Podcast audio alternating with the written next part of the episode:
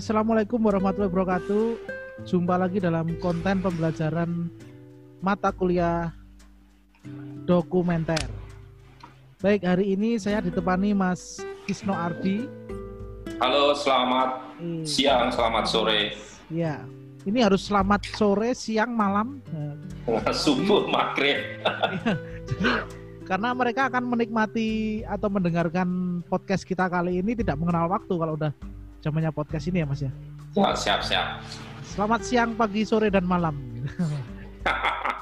Baik, Oke. eh, kita mau bahas apa nih Mas? ah, kalau di minggu lalu atau beberapa minggu lalu kan kita sudah membahas soal apa namanya ya, soal apa itu dokumenter, pengertian Oh, dokumenter. Upload di YouTube tuh ya. Ya, sudah diupload di YouTube mungkin Nah, dan mungkin teman-teman kita sudah bicara tentang uh, bicara panjang lebar tentang apa itu dokumenter sudah diupload di YouTube dan sudah ada linknya. Cari aja apa itu dokumenter di Budi Tobon gitu ya. Saya, saya simpan di situ. Oke Ya, hari dan- ini berarti kita akan bicara? Nah, ya mungkin kan kalau di dalam mata kuliah ini kan kita akan mengenal dokumenter itu apa dan sebenarnya kan setelah kita mengetahui do- dokumenter itu apa kan kita paling tidak harus ya punya ide atau punya gagasan untuk dikembangkan menjadi uh, sebuah film dokumenter gitu karena untuk membuat film tanpa ada ide tanpa ada gagasan ya seperti tidak apa ya ya buat apa pun kan harus ada gagasan dulu atau idenya dulu itu mau ngapain sih atau mau buat apa gitu. Nah itu yang penting sih. Seperti juga kita ngobrol hari ini, buat apa sih kita ngobrol gitu kalau nggak ada tujuannya gitu. Nah Ya. sebenarnya titik tolak untuk menentukan sesuatu itu kan ada di ide dan gagasan gitu. Walaupun sebelumnya harus ada ini yang disebut sebagai niat. oke berarti hari ini kita akan ngomong tentang ide dan gagasan dokumenter Ya, paling biasanya teman-teman itu eh apa ya banyak ya yang apa namanya bertanya dari mana sih datangnya ide terus gimana sih cara mendapatkannya? Apakah ini sebuah wahyu yang harus kita tunggu? Atau apa yang harus kita lakukan tips-tips untuk bisa mendapatkan ide? Dan ide-ide dokumenter itu sendiri seperti apa gitu? Itu banyak sekali sebenarnya pertanyaan tapi Oke, kita coba mulai dari dari mana sih sebenarnya datangnya ide?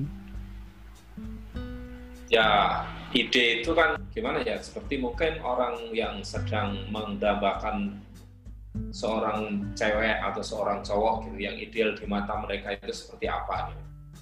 Nah, apakah untuk mendapatkan seseorang yang ideal itu harus menunggu di rumah ada yang datang mengetuk pintu terus berjumpa gitu. Apakah begitu?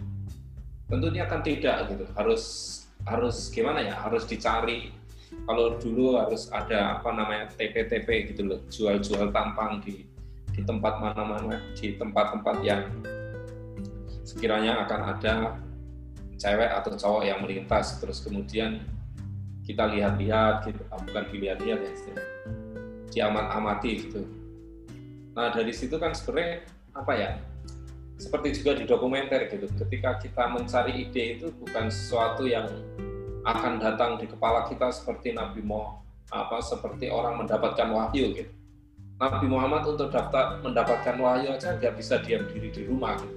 Dia harus pergi ke Gua Hira untuk menenangkan diri untuk mencari apa yang disebut wahyu Lailatul Qadar. Nah, Ada lakunya gitu ya. yang ada lelakunya, ada prosesnya gitu. Nah, di dalam membuat ide ya nggak bisa apa istilahnya mas, nggak bisa eh, ya kita hanya menunggu gitu nanti akan ide datang gitu terus menjadi sesuatu yang menarik enggak. Ide itu harus dicari pertama. Ya mungkin per- pertama apa yang disebut ilham gitu mungkin itu juga penting gitu. Apa apa namanya? ketika kita berada di sebuah tempat terus kemudian kita mendapatkan ilham oh ini film menarik gitu atau ide menarik gitu itu bisa juga gitu tapi ada kalanya ide harus dicari gitu dicari di di mana gitu melalui. Misalnya kalau saya harus jalan-jalan sore keliling-keliling ke ke tempat-tempat tertentu untuk ketemu orang untuk ngobrol gitu atau sekedar mengamati kenapa ada ini kenapa ada itu gitu. Nah, kadang uh, ketika kita melakukan apa ya proses jalan-jalan atau proses sedang apa ya sedang gabut gitu terus kita muter ke mana kemudian ada sesuatu yang mengusik gitu mengusik itu apa ya menggelitik atau mem, me, membuat kita bertanya gitu ada apa kok bisa begini? Ada apa kok bisa gitu? Nah mungkin dimulai dari hal-hal seperti itu gitu. Atau yang ketiga sebenarnya ide itu kadang harus dipaksakan gitu. Misalnya saya sebagai seorang kreator tiba uh, ada klien yang memesan kamu harus buatkan saya film dokumenter tentang tema ini gitu. Nah mau nggak mau saya harus me, apa namanya me, mengembangkan gagasan dari apa yang diminta oleh seseorang tersebut gitu. Sehingga ya mau nggak mau juga saya harus mencari apa sih itu, riset dan sebagainya melalui literatur atau melalui jalan-jalan atau ngobrol dengan orang sama juga seperti yang kedua gitu. Ketika itu muncul, ketika itu ada atau ketika itu harus diperbuat, kita harus me, apa ya mencari atau menemukan sesuatu dari apa yang uh, harus dibuat tersebut gitu sehingga ide tidak melulu harus ditunggu semacam semacam mencari ilham, wahyu dan sebagainya, tapi kadang juga harus dicari, kadang juga harus dipaksakan gitu. Sehingga uh, sesuatu yang ingin kita buat itu tidak melulu berdasarkan kesadaran, kadang juga harus ada yang disebut sebagai pemaksaan-pemaksaan terhadap pola pikir atau keinginan yang ada di kita gitu. Semacam juga dalam kasus perjodohan mungkin kita dijodohkan seseorang dan mau nggak mau kita harus menyukainya. Gitu. Kalau kita nggak menyukainya atau kalau kita nggak menguasai terhadap hal-hal tersebut yang kemudian harus diwujudkan menjadi sebuah film eh, tentunya juga nggak akan terjadi sesuatu gitu. Maka uh, dari mana pun datang ide sebenarnya yang yang menjadi tugas kita adalah bagaimana mewujudkan itu menjadi sesuatu gitu atau menjadikan itu menjadi sesuatu yang menarik gitu. apakah akan kita rias apakah akan kita poles atau akan kita bawa ke salon dan sebagainya itu itu pengembangan selanjutnya setelah kita mendapatkan ide tersebut gitu. Mungkin juga sebagai ilustrasi di dalam beberapa festival kadang festival film tersebut sudah menentukan tentang tema sebuah festival sehingga misalnya di dalam uh, beberapa uh, selebaran atau sebagainya misalnya ada uh, lomba dokumen, uh, dokumenter tema pariwisata atau tema uh, pertahanan atau tema pertanian gitu.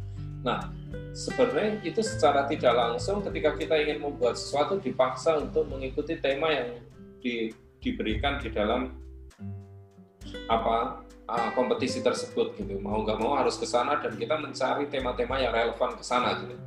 Sehingga mau tidak mau kita juga kadang dipaksa ke sana gitu. tapi ada juga misalnya orang-orang yang independen yang agak akan tergantung pada festival pendanaan ataupun investor misalnya ya sebebas-bebasnya aja dia dapat ilham dia wujudkan filmnya itu ya ya tidak tergantung siapa pun sehingga tidak ada pemaksaan atau tidak ada sesuatu yang yang apa ya mengekang dia untuk mengembangkan gagasannya gitu. Nah, sebenarnya sebenarnya ya gitu menurut uh, saya ide itu berasal bisa berasal dari mana saja gitu. Tapi ada tiga hal pokok yang yang mungkin harus teman-teman sadari bahwa pertama ide itu bisa muncul dari mana saja melalui ilham melalui wahyu mungkin atau melalui melalui apa namanya melalui bertapa atau apa gitu. Tiba-tiba mendapatkan hidayah atau ilham dan jadi ide menarik. Kedua ide itu harus dicari gitu. Dicari uh, di mana ya melalui berjalan melalui ngobrol-ngobrol melalui dialog atau mungkin juga melalui pengalaman hidup seseorang di sekitar kita yang ketiga ide itu ya dipak harus dipaksakan harus didapatkan gitu dengan cara memaksakan diri untuk mendapatkan gagas uh, ide tersebut. Mungkin itu. Oke, okay, ini menarik ya. Uh, ada beberapa statement tadi yang saya tangkap, uh, Mas Adi selalu menyebutkan kata-kata ilham gitu ya. Terus ada juga ide yang harus dipaksakan, harus dicari gitu. ada juga uh, ide itu juga bisa kita dapat dari tema-tema ya misalnya kompetisi atau festival. Itu sebenarnya juga salah satu pemaksaan juga ya. Maksudnya uh, sekarang temanya apa nih? Nah itu kan kita baru berpikir keras ke situ ketika sudah ada tematik gitu. Ya. Nah uh, saya sih cuman ini ya ketika dikatakan itu adalah ilham ataupun semacam wahyu uh, kalau kita bicara tentang spiritual nih uh, saya percaya ya uh, Tuhan itu memberikan sesuatu tentunya atas dasar uh, si orang ini sudah punya kemampuan nggak ketika tak turunkan uh, ilham atau wahyu itu. Pastinya dia mesti punya uh, pengetahuan sebelumnya punya pengetahuan punya punya pengalaman-pengalaman gitu ya akhirnya ketika diturunkan tuh nggak kaget ya gitu kan Ya, ya. Artinya bahan bahan dasar bahan dasar dalam uh, mencari ide itu ya penting. Misalnya kayak pengetahuan itu sendiri, terus uh, daya kritis. Ya. Gitu, belajar belajar kritis, belajar uh, banyak banyak membaca situasi, pengalaman-pengalaman gitu kan. Gitu kira-kira Mas ya. Ya, ya intinya sih bahwa ide itu akan tergantung juga kepada apa ya istilahnya kemampuan atau kapasitas masing-masing orang gitu. Ketika kemarin uh, di pertemuan selanjutnya saya membahas bahwa ketika orang mempunyai apa ya konsen terhadap isu tertentu misalnya di lingkungan gitu, biasanya dia akan lebih muncul ketika dia menggarap isu-isu lingkungan gitu. Pertanyaan-pertanyaan selalu misalnya dikaitkan dengan uh, apa namanya apa kelangsungan hidup gitu misalnya soal global warming soal uh, apa namanya soal sampah atau juga soal polusi gitu. Nah, ketika orang konsen ke sana, ide-ide yang muncul di kepalanya dia mungkin akan selalu seperti itu gitu. Ketika seperti juga misalnya ketika kita mendapatkan apa ilham melalui istikharah gitu tentang apa istilahnya untuk untuk terhadap sebuah persoalan gitu. Itu juga bisa uh, apa ya tidak lepas dari apa pengalaman kita atau hal-hal yang kita hadapi di dalam kehidupan sehari-hari gitu. maju. Nah, uh, ya. artinya ide berarti selalu ada korelasinya dengan kedekatan kan? Kedekatan atas pengalaman. Ya betul. Nah ide selalu berkaitan dengan kehidupan apa yang kita jalani sih kurang lebih begitu karena apa ya? Ketika kita berada di lingkungan tertentu di dalam kondisi tertentu gitu, misalnya uh, saya sebagai seorang yang besar di lingkungan Muhammadiyah dan pesantren, gitu. mungkin gagasan saya tidak akan banyak keluar dari isu-isu soal religiusitas, keagamaan, keimanan, dan mungkin hubungan antar agama, uh, akulturasi dan sebagainya. Nah, uh, dari situ sebenarnya kemudian ketika kita melihat fenomena tertentu yang terjadi di lapangan, uh, mungkin akan ke depan kita bahas apa soal perspektif. Uh, kita melihat gejala ataupun apa yang kita alaman, uh, amati ataupun kita dapatkan itu berdasarkan apa ya pengalaman-pengalaman kita tersebut gitu. Atau misalnya uh, Mas Topon tidak jauh dari lingkungan uh, pendidikan, gitu. mungkin ketika membuat film dia akan selalu berpatok kepada bagaimana persoalan-persoalan pendidikan yang terjadi di Indonesia gitu. Apa itu pendidikan inklusi, apa itu kemerdekaan belajar, apa itu apa namanya kesetaraan uh, belajar dan sebagainya. Sehingga uh, merdeka belajar dan sebagainya. Sehingga ketika dia melihat sesuatu di lapangan, kenapa anak ini kok nggak sekolah gitu? Atau kenapa anak ini bekerja sebagai pengamen di pinggir jalan gitu? Nah, perspektif Mas Tobon karena pendidikan, kemudian dia akan berpikir, oh anak ini tidak sekolah. Kenapa dia tidak sekolah? Oh, sekolah mahal. Oh, apa akses pendidikan tidak apa tidak tidak mendukung untuk orang-orang seperti dia. Nah, sehingga pertanyaan dasar itu selalu seperti Mas Tobon tadi bilang, selalu kepada kemampuan kita atau kepada pengalaman-pengalaman yang kita miliki gitu. Sehingga ketika kita membuat film, misalnya isunya jauh dari apa yang kita pahami, apa yang kita kuasai, itu membutuhkan kerja keras sebenarnya juga. Karena kita kemudian harus keluar dari apa yang kita kuasai selama ini gitu misalnya Mas Toben isu pendidikan gitu tiba-tiba digeret uh, mendapatkan harus mengerjakan isu soal kebencanaan gitu ya yang mungkin agak jauh dari dari apa konsen selama ini gitu. Nah dari sini sebenarnya saya ingin menggarisbawahi bahwa membuat film yang yang mungkin akan baik gitu atau ide yang menarik atau cerita yang akan menarik itu biasanya lebih pada dari apa lebih kepada bagaimana pengalaman-pengalaman itu didapatkan. Pengalaman-pengalaman persoalan pengalaman-pengalaman yang ada di lingkungan sekitar dia gitu. Itu lebih menarik apakah lingkungan uh, ide di luar kebiasaan atau di luar lingkungan yang dia kuasai tidak menarik ya sama saja menarik gitu tapi menceritakan sesuatu yang lebih kita pahami dan lebih kita kuasai, biasanya itu akan cenderung lebih dalam, okay. cenderung le lebih kuat, cenderung menarik orang. Gitu.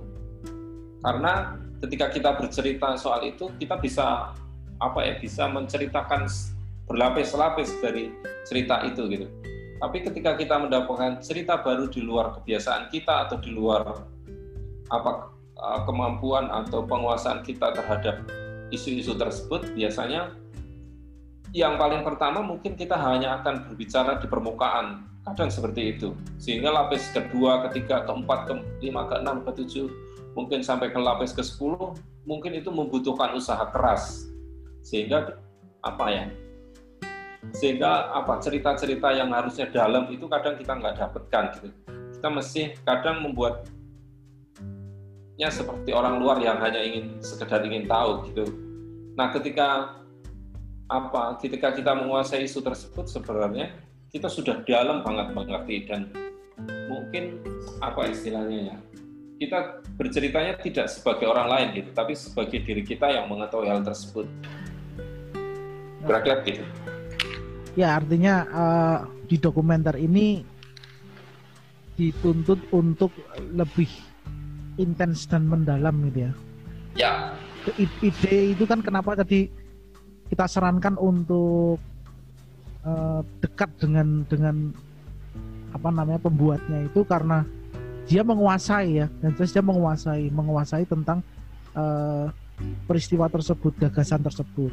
Nah mungkin kalau untuk jurnalistik itu ya bedanya di situ ya ketika ada sesuatu yang viral terus kita ingin mencoba meliputnya kan kita tinggal berusaha mencari uh, eh, 5W1 hanya kan.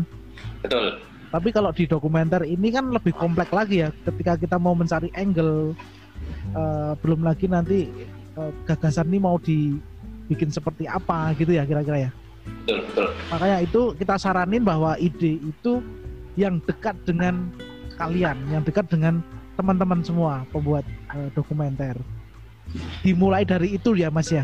Ya, dekat itu. Iya, saya bisa bayangin juga sih uh, ketika uh, nanti it, uh, kan kadang ide itu muncul dari kita nonton apa nih, nonton video viral atau nonton uh, peristiwa yang sedang sedang terjadi demo atau isu-isu tentang negara gitu kan gede banget kan itu kan. Iya.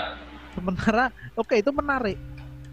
Tapi kita tidak dekat dengan dengan isu tersebut gitu kan ya itu yang yang sebenarnya nanti mungkin butuh waktu panjang kan ini seperti itu bukannya bukannya tidak bisa tapi membutuhkan waktu panjang untuk mengenalnya merisetnya dan kita juga uh, mungkin menjiwainya karena itu ya. pengalamannya ya mungkin saya garis bawahi bahwa dekat bukan dalam arti dekat secara fisik ya itu ada di samping kita gitu enggak tapi dekat di sini itu dekat secara pengalaman, dekat secara apa ya pengetahuan dan mungkin juga lebih dekat dengan konsen kita terhadap iya. isu atau gagasan tersebut gitu. Nah artinya itu karena misal nggak harus, harus ide yang eh, ide itu nggak harus isu yang berat kan? Ya justru kadang cerita yang menarik itu berasal berdasarkan dari cerita-cerita yang kecil gitu, yang misalnya apa ya itu luput atau jarang diamati orang atau dilihat orang gitu. Sehingga ketika isu kecil itu kemudian kita garap kita olah menjadi sebuah gagasan kadang ada perspektif-perspektif lain atau gagas apa faktor-faktor lain yang mendukung sehingga itu menjadi menarik gitu. Mungkin misalnya saya bayangkan tadi Mas Topan melihat orang sedang mengamen di pinggir jalan. Kok dia mengamennya sambil bawa buku misalnya. Itu kan ide kecil menarik. Tapi kemudian kita harus telusuri lebih jauh gitu kenapa dia melakukan itu gitu. kalau misalnya bisa dibawa kepada isu-isu faktual atau aktual terkini mungkin itu juga akan sangat menarik gitu. Misalnya kaitannya dengan akses belajar misalnya atau mungkin akses pendidikan atau mungkin ada faktor-faktor lain yang membuat dia seperti itu gitu. sehingga ketika kita ngomong anak yang uh, yang mengamen dengan seragam sekolah tidak hanya bercerita anak yang mengamen tidak uh, mengamen dengan seragam sekolah di perempatan gitu tidak hanya itu gitu tapi kemudian kita akan gali lebih jauh sebenarnya ada apa di di sana. Misalnya kita kenal dengan anak itu karena dia selalu ketemu dengan kita dan kita tahu rumahnya kadang kita sering ngobrol, mungkin justru itu yang akan memperkuat kita gitu. Tidak kemudian kita apa namanya ya dengan dengan berat atau dengan uh, dengan dengan ide itu kemudian kita harus mencari sesuatu gitu tapi kemudian kita sudah tahu semuanya yang yang ada di sana gitu sehingga itu secara tidak langsung cerita yang akan kita buat lebih dalam, lebih mengena dan mungkin akan lebih sederhana gitu. Tapi kemudian isunya bisa sangat besar, sangat berat gitu. Tapi ya itu tadi harus kemudian menemukan hal-hal yang sederhana, hal yang kecil yang kemudian bisa dibawa pada persoalan-persoalan yang lebih besar. Bukan kadang terbalik gitu. Kita melihat persoalan besar dulu, kemudian baru mencari hal-hal yang yang kecil gitu. Ya itu bisa saja, tapi kemudian itu tadi um, akan lebih menarik kemudian kalau kita melihat itu secara apa ya secara lebih dekat dan personal gitu. Kalau istilah di dalam dokumenter itu up close and personal gitu. Dekat dan personal. Oke, dekat dan personal. Kuncinya itu. Kata kuncinya itu ide itu uh, untuk latihan kita kali ini ya. Hmm. Intinya adalah dekat dengan personalmu gitu kan ya? Nah, dekat dan personal. Dari dari situlah. Intinya ya kita harus menguasai itu. Tentunya kalau kita mencari ide dari apa yang kita kuasai setidaknya itu lebih gampang kan? Karena kita udah tahu medannya udah tahu uh, seluk beluknya kan gitu. Gitu ya, betul. Nah ini ada ada kita uh, ke pertanyaan yang selanjutnya nih mas. Uh, oke okay, setelah kita punya banyak gagasan punya banyak pengalaman yang mungkin akan kita tuangkan nih. Nah sekarang pertanyaan adalah uh, gimana sih memilih ide yang penting gitu. Jadi lebih ke mengapa kita ingin membuat film dengan ide tersebut itu kadang bagi orang yang kebanyakan ide itu susah juga, bingung juga mau menentukan ide yang mana gitu. Ya, itu Nah, kadang sesuatu de yang dekat dan personal itu belum tentu menarik bagi orang di luar kita. Nah, pertanyaan terpenting adalah, ya seperti tadi Mas Tobon bilang tadi, kenapa kita ingin membuat film dengan ide tersebut gitu, atau kenapa kita ingin membuat dokumenter dengan ide tersebut gitu. Nah, mungkin jawaban paling sederhana adalah, apa sih pentingnya isu ini bagi orang lain? Apa sih yang ingin kamu suarakan dengan cerita ini. Kalau kamu hanya ingin menceritakan bahwa terjadi sesuatu di sini, kemudian ingin mengabarkan kepada orang lain, mungkin itu tarafnya masih di jurnalistik atau berita. Tapi di dalam dokumenter, kadang kita harus bertanya lebih jauh gitu. Apa relevansinya atau apa isu yang akan kita angkat dengan kehidupan saat ini atau dengan keadaan sosial yang ada di saat ini mungkin itu pernyataan yang terlalu besar gitu, tapi mungkin juga itu penting untuk menjadi landasan kita bertanya lebih jauh gitu. Uh, kenapa kemudian kita ingin membuat film itu gitu. Pertanyaan selanjutnya adalah yang harus dicari untuk menjawab itu adalah apakah isu ini relevan bagi orang lain atau paling enggak paling sederhana saja apakah isu ini penting bagi orang lain sehingga isu itu bukan hanya untuk dirimu gitu karena sekali lagi ketika kita membuat film dokum, membuat film atau karya apa pun itu kita sedang berkomunikasi dengan orang lain. Ada yang disebut sebagai audien ada disebut sebagai penonton. Nah ketika kita membuat film tentunya juga tidak boleh terlalu egois bahwa film itu hanya memuaskan hasrat kita.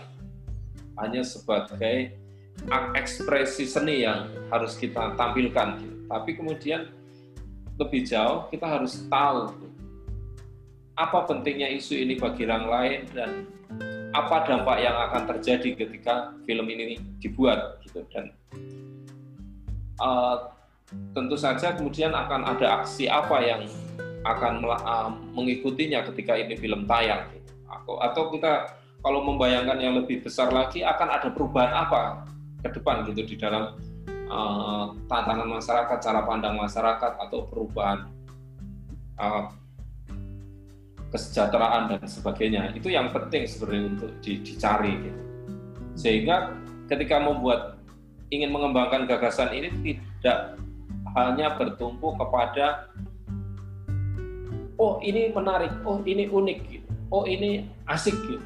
Tidak hanya sekedar itu gitu. Itu baru mematik bahwa itu menarik buatku gitu, tapi belum tentu itu menarik buat orang lain.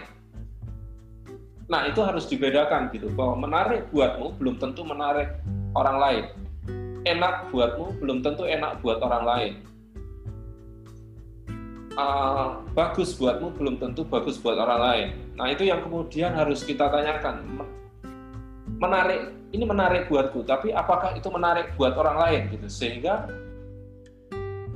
ketika gagasan itu ingin kamu buat, menarik buatmu juga menarik buat orang lain gitu. Sehingga kamu sebagai komunikan atau sebagai pembuat film itu juga akan berkomunikasi dengan audienmu harus berkomunikasi dengan orang banyak gitu. Sehingga kemudian gagasan atau ide-ide yang kamu sampaikan itu akan sampai kepada mereka. Akan ditangkap oleh mereka. Atau kalau kamu membayangkan akan ada perubahan cara pandang terhadap persoalan tertentu gitu itu akan sampai kepada mereka gitu. Sehingga apa ya gagasanmu itu juga akan mempengaruhi cara berpikir orang atau akan merubah cara berpikir orang. Seperti juga dalam dakwah gitu, ketika ustadz berceramah dengan dalil-dalil tertentu, itu kan tujuannya untuk mempengaruhi orang lain agar tidak berbuat misalnya kemaksiatan atau agar tidak berbuat uh, hal-hal uh, yang menyimpang dari tuntunan-tuntunan keagamaan. Nah, ketika kamu mendapatkan ide tertentu, misalnya kamu kok gelisah dengan ulah polisi yang selalu uh, mencari keuntungan dari operasi-operasi SIM misalnya. Kemudian kamu gelisah, kemudian kamu cari tahu sebenarnya apa sih yang melatar belakangi mereka gitu sehingga dia melakukan itu gitu.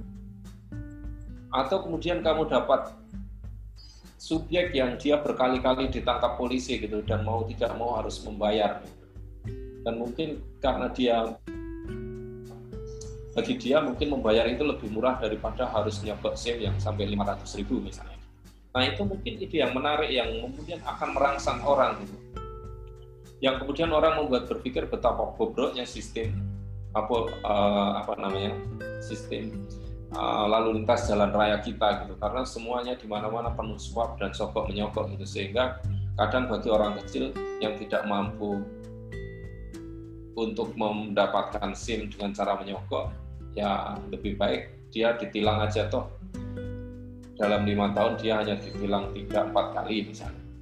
Itu kan mungkin masih lebih murah daripada dia harus ikut ujian SIM dan kemudian tidak diluluskan dan harus harus membuat SIM tembak misalnya kayak gitu. Nah itu sebenarnya hal-hal yang harus dicari apa ya hal-hal yang bisa mempengaruhi perilaku di dalam masyarakat gitu.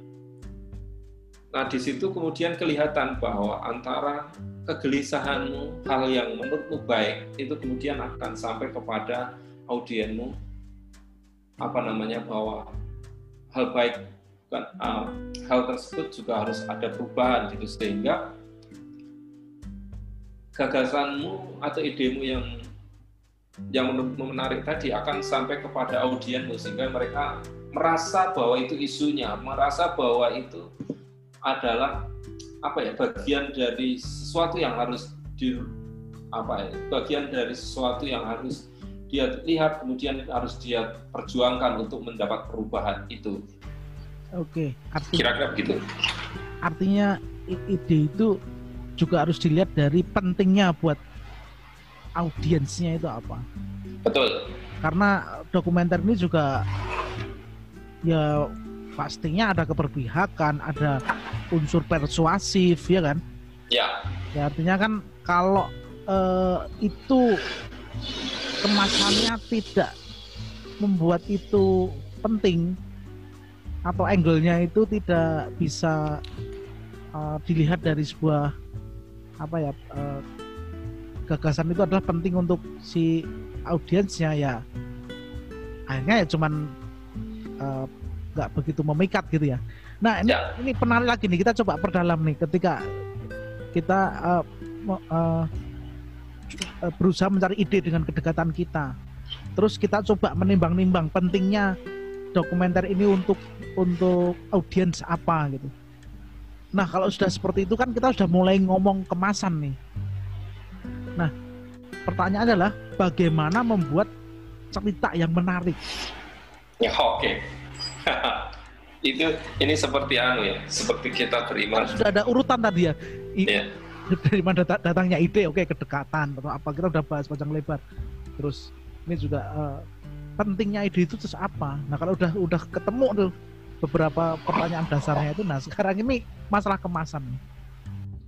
Nah oke, okay. mungkin tadi baga ah, bagaimana isu yang kita buat itu bisa relate atau bisa nyambung gitu antara apa yang kita pikirkan dengan kemudian audien atau khalayak yang akan menonton film kita gitu. sehingga kemudian dari gagasan tersebut akan memunculkan dampak karena dokumenter selalu tidak bisa dilepaskan apa yang disebut sebagai propaganda atau sebagai mempengaruhi orang untuk berbuat sesuatu. Sebenarnya film apa pun, iklan atau apa pun sama sih. Iklan mungkin juga propaganda untuk membeli atau membuat barang tertentu gitu. Nah di dokumenter mungkin ah, karena apa namanya ya karena dia lekat dengan propaganda dan sebagainya di awal-awal diciptakan ya mau tidak mau sebenarnya kita harus selalu berpikir dampak yang akan terjadi ketika membuat film ini apa. Tidak semata-mata hiburan, tapi kemudian akan ada ketika orang habis nonton ini itu seperti dia mendapatkan sesuatu. Gitu. Entah sesuatu itu yang bersifat apa ya reflektif atau kemudian akan bersifat aksi gitu terhadap fenomena tersebut gitu. Sehingga kemudian akan ada tindakan-tindakan lanjutan yang yang apa ya yang yang mungkin muncul gitu makanya juga kita harus hati-hati ketika membuat dokumenter gitu karena ketika kita membuat sesuatu dan kemudian menimbulkan reaksi uh, di kepada penonton kadang ada reaksi-reaksi yang tidak baik gitu misalnya waktu saya cerita sedikit sebelum ke kita masuk ke hmm, bagaimana membuat cerita yang menarik waktu itu saya mau buat dokumenter di komunitas uh, agama Kajang gitu di Bulukumba Sulawesi Selatan. Saya memotret bagaimana persoalan uh, saya meriset waktu itu membuat dokumenter tentang seorang ibu dan empat anaknya, anaknya perempuan dan yang terakhir laki-laki itu bekerja uh, bangunan di Makassar namanya Sri atau sebenarnya nama lengkap nama aslinya Chow. Dia bekerja di Makassar sebagai buruh bangunan. Dengan keempat anaknya dia tinggal di rumah yang dibangun perumahan-perumahan itu dengan bayaran yang yang mungkin di bawah bayaran laki-laki gitu. Dia sebagai kerja keras, kerja keras, ngangkutin pasir, mengangkutin bata dan sebagainya. Nah setelah ditelusuri lebih jauh sebenarnya siapa Cao Cao adalah janda dari seorang pemilik lahan yang ada di desanya dulu.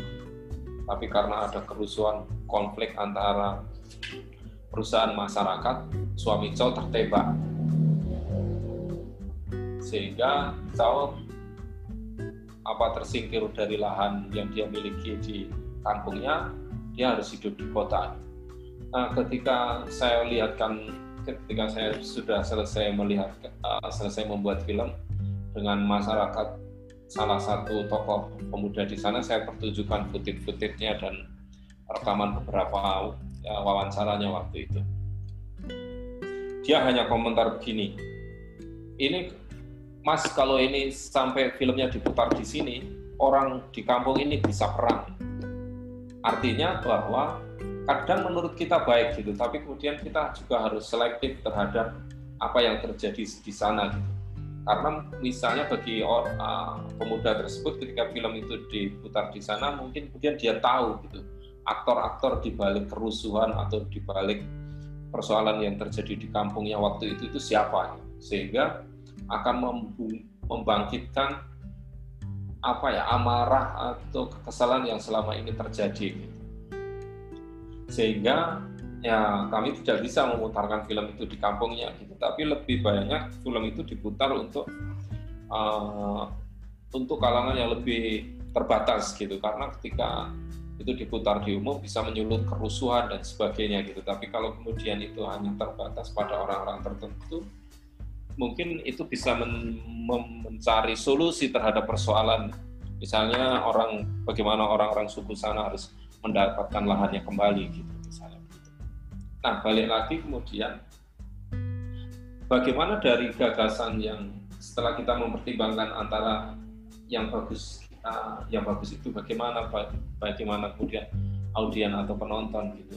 Yang selanjutnya adalah bagaimana membuat cerita itu menarik. Tidak tidak bisa juga penonton kita ceramai dengan cara dakik-dakik gitu. Se -se seperti apa ya seperti politisi yang sedang berpidato di mimbar gitu atau seperti sambutan kepala desa ketika akan ada lomba tertentu gitu itu akan sangat membosankan dan mungkin tidak menarik bagi sebagian orang gitu. Nah, kadang dari gagasan atau ide tersebut kadang kita harus mencari sesuatu yang menarik harus mencari bagaimana cerita itu bisa mengalir.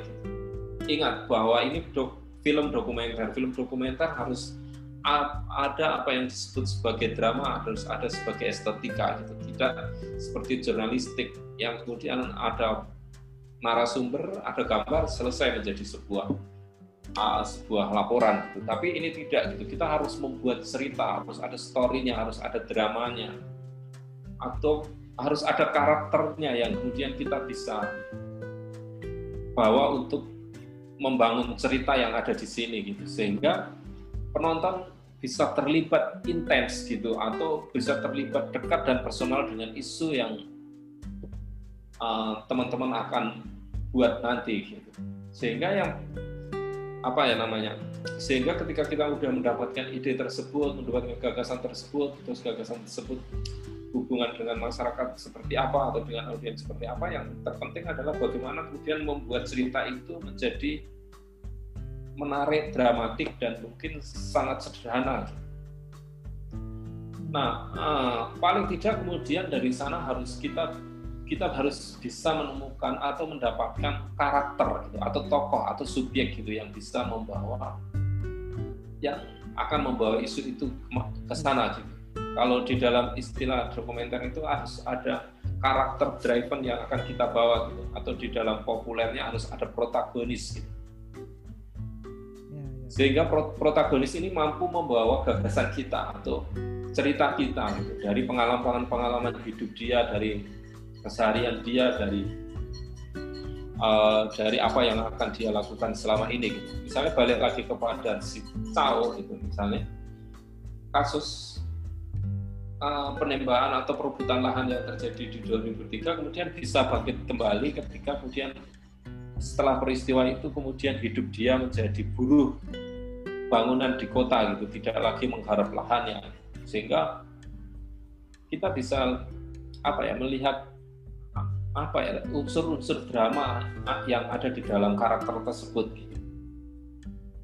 Nah, menemukan subjek tidak hanya sekedar dia pandai berbicara atau canggih berbicara gitu, tapi kemudian dia harus relate juga dengan dengan isu tersebut, dengan pengalaman tersebut gitu. Kira-kira begitu dan apa namanya dan menemukan karakter atau subjek itu menjadi pekerjaan yang mungkin tidak gampang atau tidak tidak mudah. Oke, karakter ya mas ya, karakter itu penting untuk uh, membuat cerita ini menjadi menarik. Ya. Gak masalah relate tadi. Ya.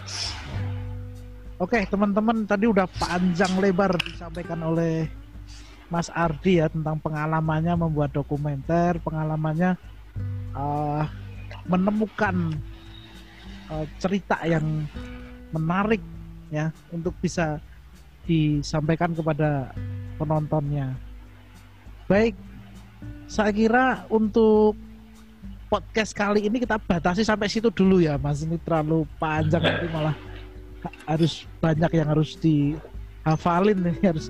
Nah betul betul dan efektif kita akan coba gali lagi ya gali lagi melalui konten-konten podcast semacam ini uh, untuk menunjang uh, literasi tentang apa itu dokumenter dan seluk beluknya. Nah hari ini kita sudah mungkin sebentar Mas Tobon saya tambahin dulu sedikit Mau mungkin. Oke silakan.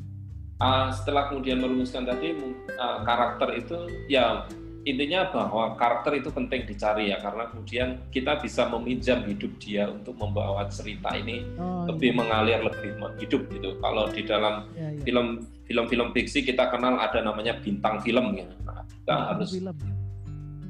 Uh, ya bintang film ya mungkin kita sebut sebagai protagonisnya atau karakternya mungkin juga sebut aja bintang film dokumenter gitu nah hmm. intinya sih kita harus menemukan bintang filmnya siapa gitu karena di setiap film kan selalu ada bintang filmnya kan tokoh utama. Iya, iya. nah, nah, nah, mungkin juga ada tokoh utama perempuan, ada tokoh utama iya, iya. laki-laki dan sebagainya. Tapi yang paling penting harus menemukan bintang filmnya itu siapa. Iya. Oke, okay, gitu.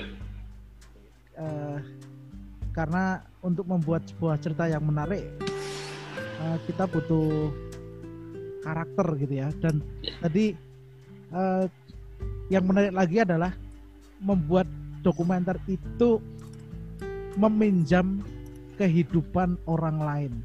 Ya. Itu ya. Ya. Keren tuh kan ya tuh. Quote-nya keren tuh. Membuat ya. yang bisa membedakan dengan film fiksi kan di sini ya. Ya. Artinya karakter itu kan kita pinjam hidupnya gitu. Ya. Dia oh. tidak sebagai orang lain kan dia tadi dibilang sebagai bintang film atau apa ini bukan masalah bintang film tapi dia dia uh, kita merekam kehidupannya dia.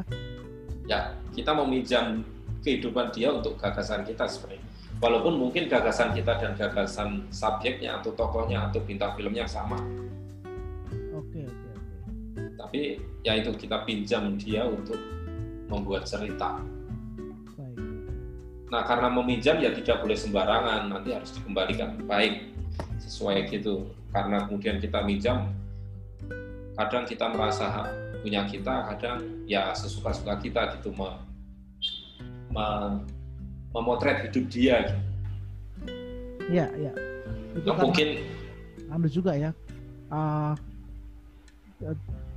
sensitif juga ya dengan dengan kehidupan orang itu ya. setelah ya dokumenter itu jadi kan ada resiko mungkin ya ada resiko harus ada ya seperti saya bilang tadi kalau misalnya itu tayang di sana akan menimbulkan dampak apa dan sebagainya itu harus harus dipikir harus dipikirkan nah sebenarnya kalau mungkin ke depan kita akan ngomong soal etik mungkin di produksi ya kan di semester ini gitu.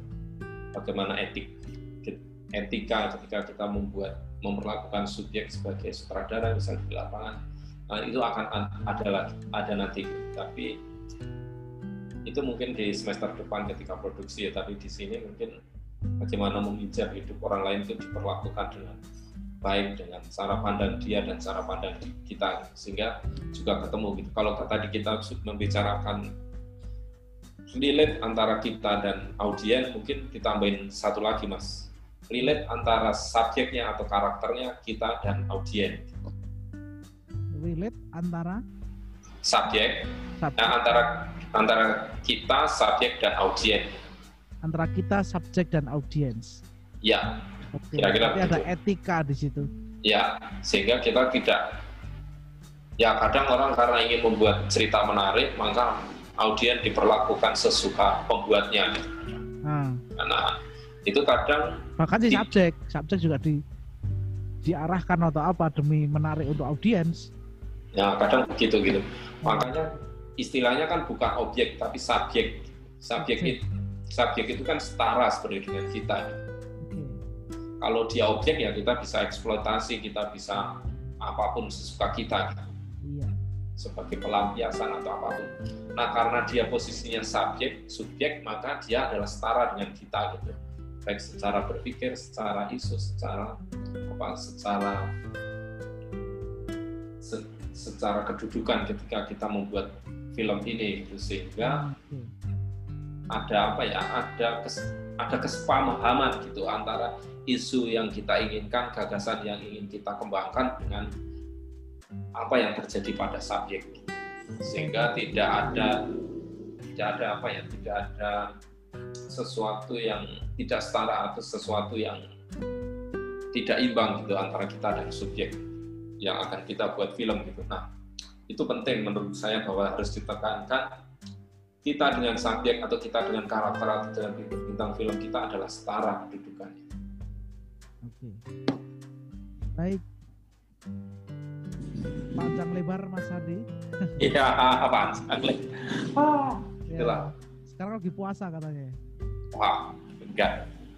Lakoni, Oh, Ya. puasa dan zakatnya keluar. Biar kurus. Baik, eh, itu dulu apa yang kita bahas dari eh, mengenal dokumenter kali ini tentang ide, gagasan, pentingnya eh, gagasan itu ya. Kita akan ketemu di konten-konten yang lain di podcast-podcast yang lain ya. Eh, biasanya seperti ini harus kita dengerin 2 sampai tiga kali gitu pemahamannya bisa beda-beda ya. Sekarang Ya. mungkin nggak paham coba dengerin lagi dengerin lagi baru oh maksudnya seperti ini. Biasanya seperti itu cara cara me- eh, belajar melalui audio itu seperti itu.